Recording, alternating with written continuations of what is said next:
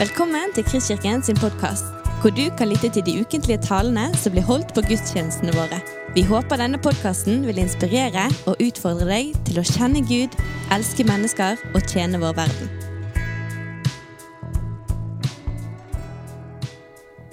Kjære alle sammen. Riktig god palmesøndag og god påske. Vi starter i dag på kirkeårets store høytid. Da er det veldig rart å ikke kunne samles her fysisk i kirken. Men det er likevel gledelig at vi kan samles om påskens innhold. Om enn på skjermer eller over andre digitale hjelpemiddel. Jeg har lyst til å ta deg med til en vårdag i år 30. Vi skal til Jerusalem, og byen stimler av liv. Byen gjør seg klar for å feire jødenes store høytid, den jødiske påsken. Det var da man feira utfrielsen fra Egypt. Frihet fra slaveriet og undertrykkelsen fra et fremmed rike. Man feira at Gud hadde grepet inn og frelst sitt eget folk. Det strømma naturlig nok masse folk til byen. og På denne tiden så regner man med at det bodde omtrent 40 000 mennesker i Jerusalem. Men at under påskehøytiden så kom det så mange mennesker til at innbyggertallet ble femdobla.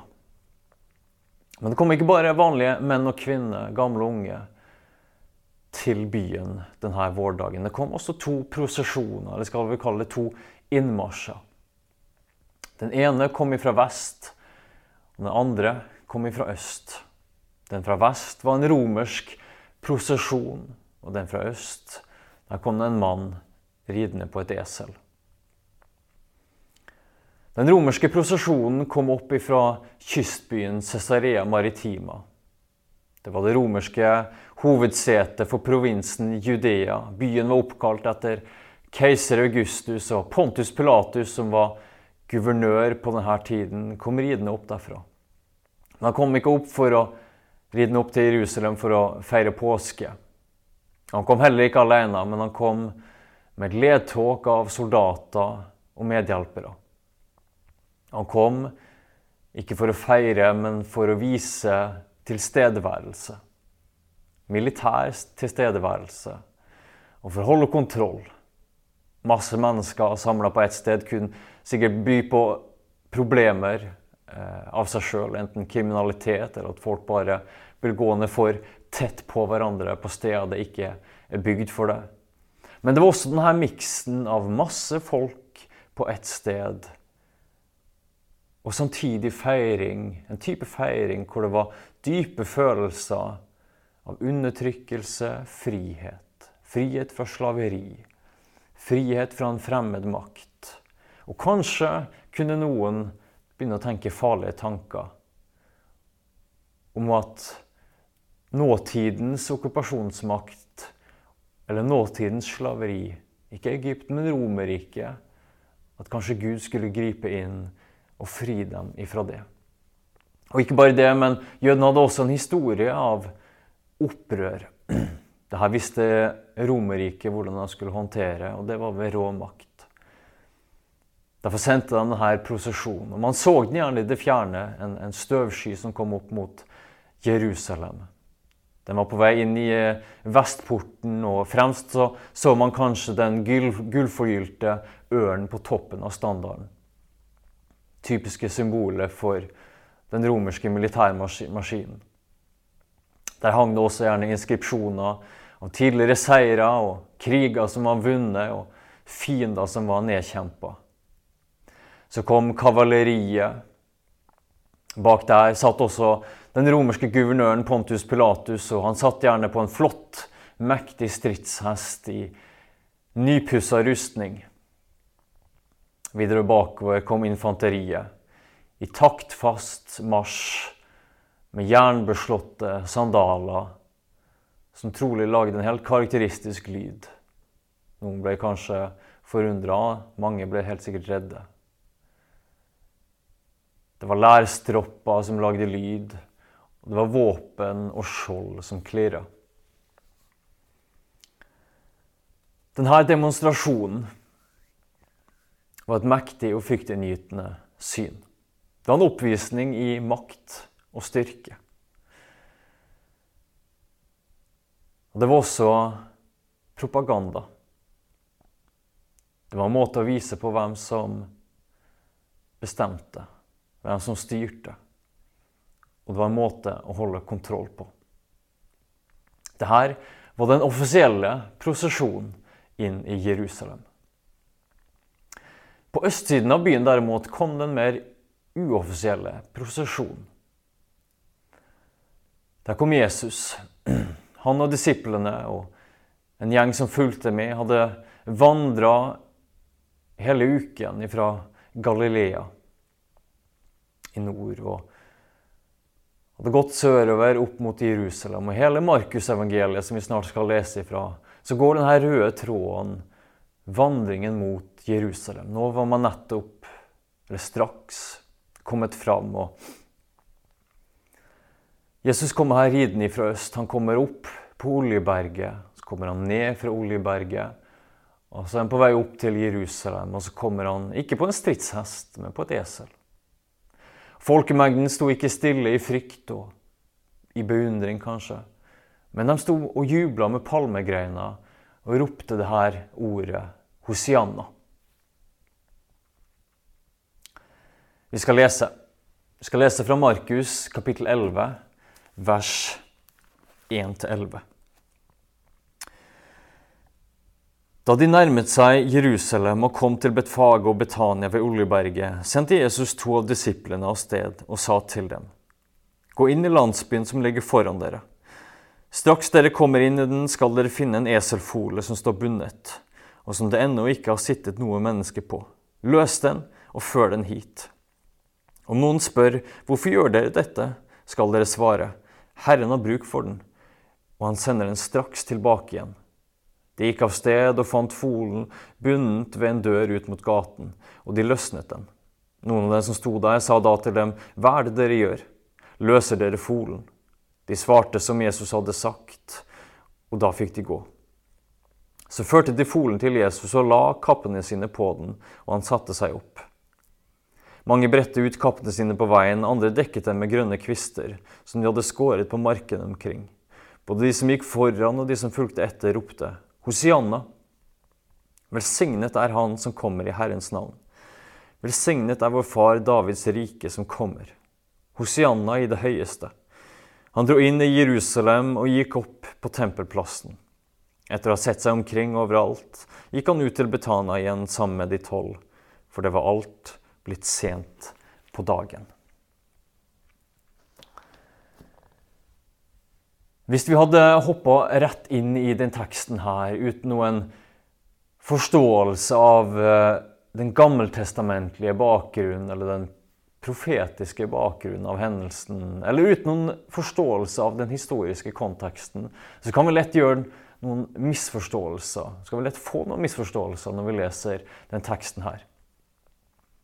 Vi kan tenke var, var Jesus sliten? Var han sliten etter den lange eh, marsjen fra Galilea og trengte å ri den siste biten? Eller var det bare at han ville være synlig for alle folkene som, som skulle se ham, derfor han komme høyere opp? Eller var alt sammen en litt sånn tilfeldighet, at gjengen var på vei inn i Jerusalem, og plutselig så kom det en folkemengde og møtte dem?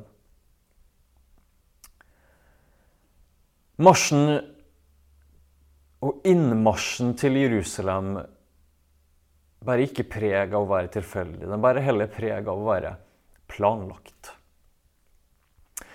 Profeten Zakarias ord danner det tydeligste bakteppet for hendelsen. Der står det Bryt ut i jubel, datter Sion. Rop av glede, datter Jerusalem. Se, din konge kommer til deg, rettferdig og rik på seier. Fattig er han og rir på et esel, på en eselfole. Det er altså en konge som kommer. Jesus kjente godt til dette skriftstedet, og mest sannsynlig så var det mange i folkemengden som møtte han som, som tenkte på akkurat det her når de, når de så Jesus komme ridende ned fra Oljeberget på et esel. Det er en konge som kommer til kongens by, Jerusalem. Og det er kongelige forventninger, men det er ikke bare kongelige forventninger, det er også messianske forventninger i luften. Det ser vi fra responsen fra folkemengden. De roper 'Hosianna'. Og Hosianna er ikke bare et, et eh, fint velkomstord eller, eller noe som, som, vi bare sier når det er påske. Hosianna er denne blandingen, et sterkt uttrykk, en blanding av sterk lovprisning til Gud og en umiddelbar bønn til Gud. Om Gud frels oss nå. Videre har folkemengden her setningen, eller skal vi si farlige setningen. Velsignet av vår fars David rike som kommer. Folkemengden tok ikke imot Jesus bare som en god lærer eller som en snill og god person, eller bare som en skriftlærd eller lovlærd. De tok imot ham som en konge. Og ikke bare som en konge i abstrakt versjon eller som en konge i mer sånn åndelig sett. Men konkret, reelt. Og det sto, folk folk, det sto folk der i mengden, og det begynte å komme et håp. Er det kongen vi har venta på? Er det Messias? Han som skal gjenopprette Israels rike, han som skal gjenopprette Davids rike. Det store forbildet for Israel var storhetstiden for flere hundre år tilbake, når David regjerte fra Jerusalem. Og Han satt med et håp om at dette skulle gjenopprettes. Kanskje var det tiden når den fremmede okkupasjonsmakten skulle sparkes ut. Og Messias, kongen, skulle sette seg i Jerusalem. Kontrasten til den andre innmarsjen på vestsiden er påtagelig. Der Pontus Pilatus sin innmarsj forkynte at keiserens rike var kommet nær, forkynte Jesus at Guds rike var kommet nær. Der den romerske innmarsjen forkynte makt og seier, formidla Jesus sin innmarsj ydmykhet og til og med fattigdom. Og Jesus sin innmarsj i dette lyset blir nesten et politisk teater. Det blir nesten en parodi på den storslåtte maktoppvisning maktoppvisningen som foregår på andre siden av byen. Det som ofte blir kalt Jesus sin triumferende innmarsj i bibelteksten, er realiteten antitriumferende.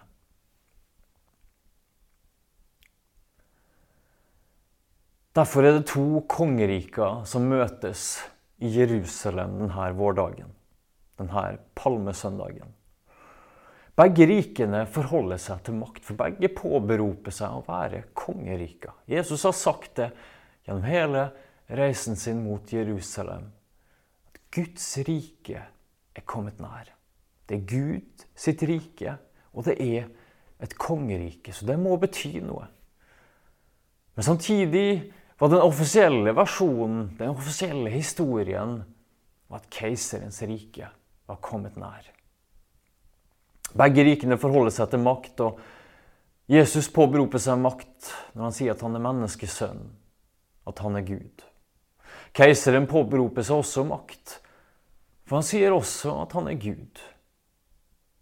Det var en vanlig bekjennelse, det var en vanlig tittel på keiseren på denne tiden, at han var Guds sønn. Når han skal ha sin maktoppvisning, så ser det veldig annerledes ut.